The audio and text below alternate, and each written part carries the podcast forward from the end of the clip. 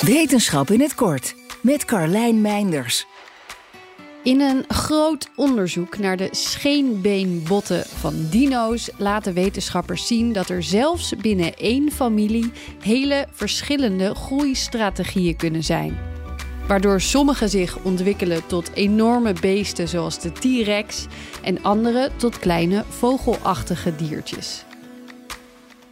De gedachte is lang geweest, en die klopt in veel gevallen nog steeds, dat dieren met grote lichamen groter zijn dan verwante soorten met kleinere lichamen, omdat ze in de periode waarin de meeste groei plaatsvindt harder zijn gegroeid. Dit is waar voor de meeste zoogdieren en vogels. Een olifant groeit bijvoorbeeld sneller dan een chihuahua en een struisvogel sneller dan een spreeuw. Toch zijn er ook uitzonderingen.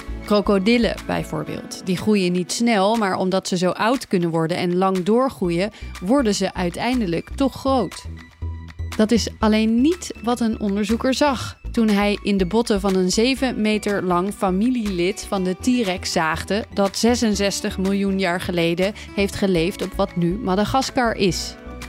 Je kunt, net als bij bomen, aan groeiringen zien hoeveel het bot per jaar is gegroeid. En daarin was geen pubergroeispurt te bekennen. Het dier moet dus groot zijn geworden door lang door te groeien, net als de krokodil. Ze onderzochten uiteindelijk de groeiringen in de botten van 42 soorten uit de familie. En zagen dat 31% groter dan voorouders was geworden door een groeispurt en 28% door lang door te groeien. Er waren ook soorten juist kleiner geworden dan hun voorouders.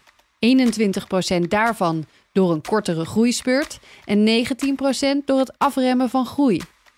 Er is dus zelfs binnen dezelfde familie niet één weg naar de top of de bodem van de meetlat.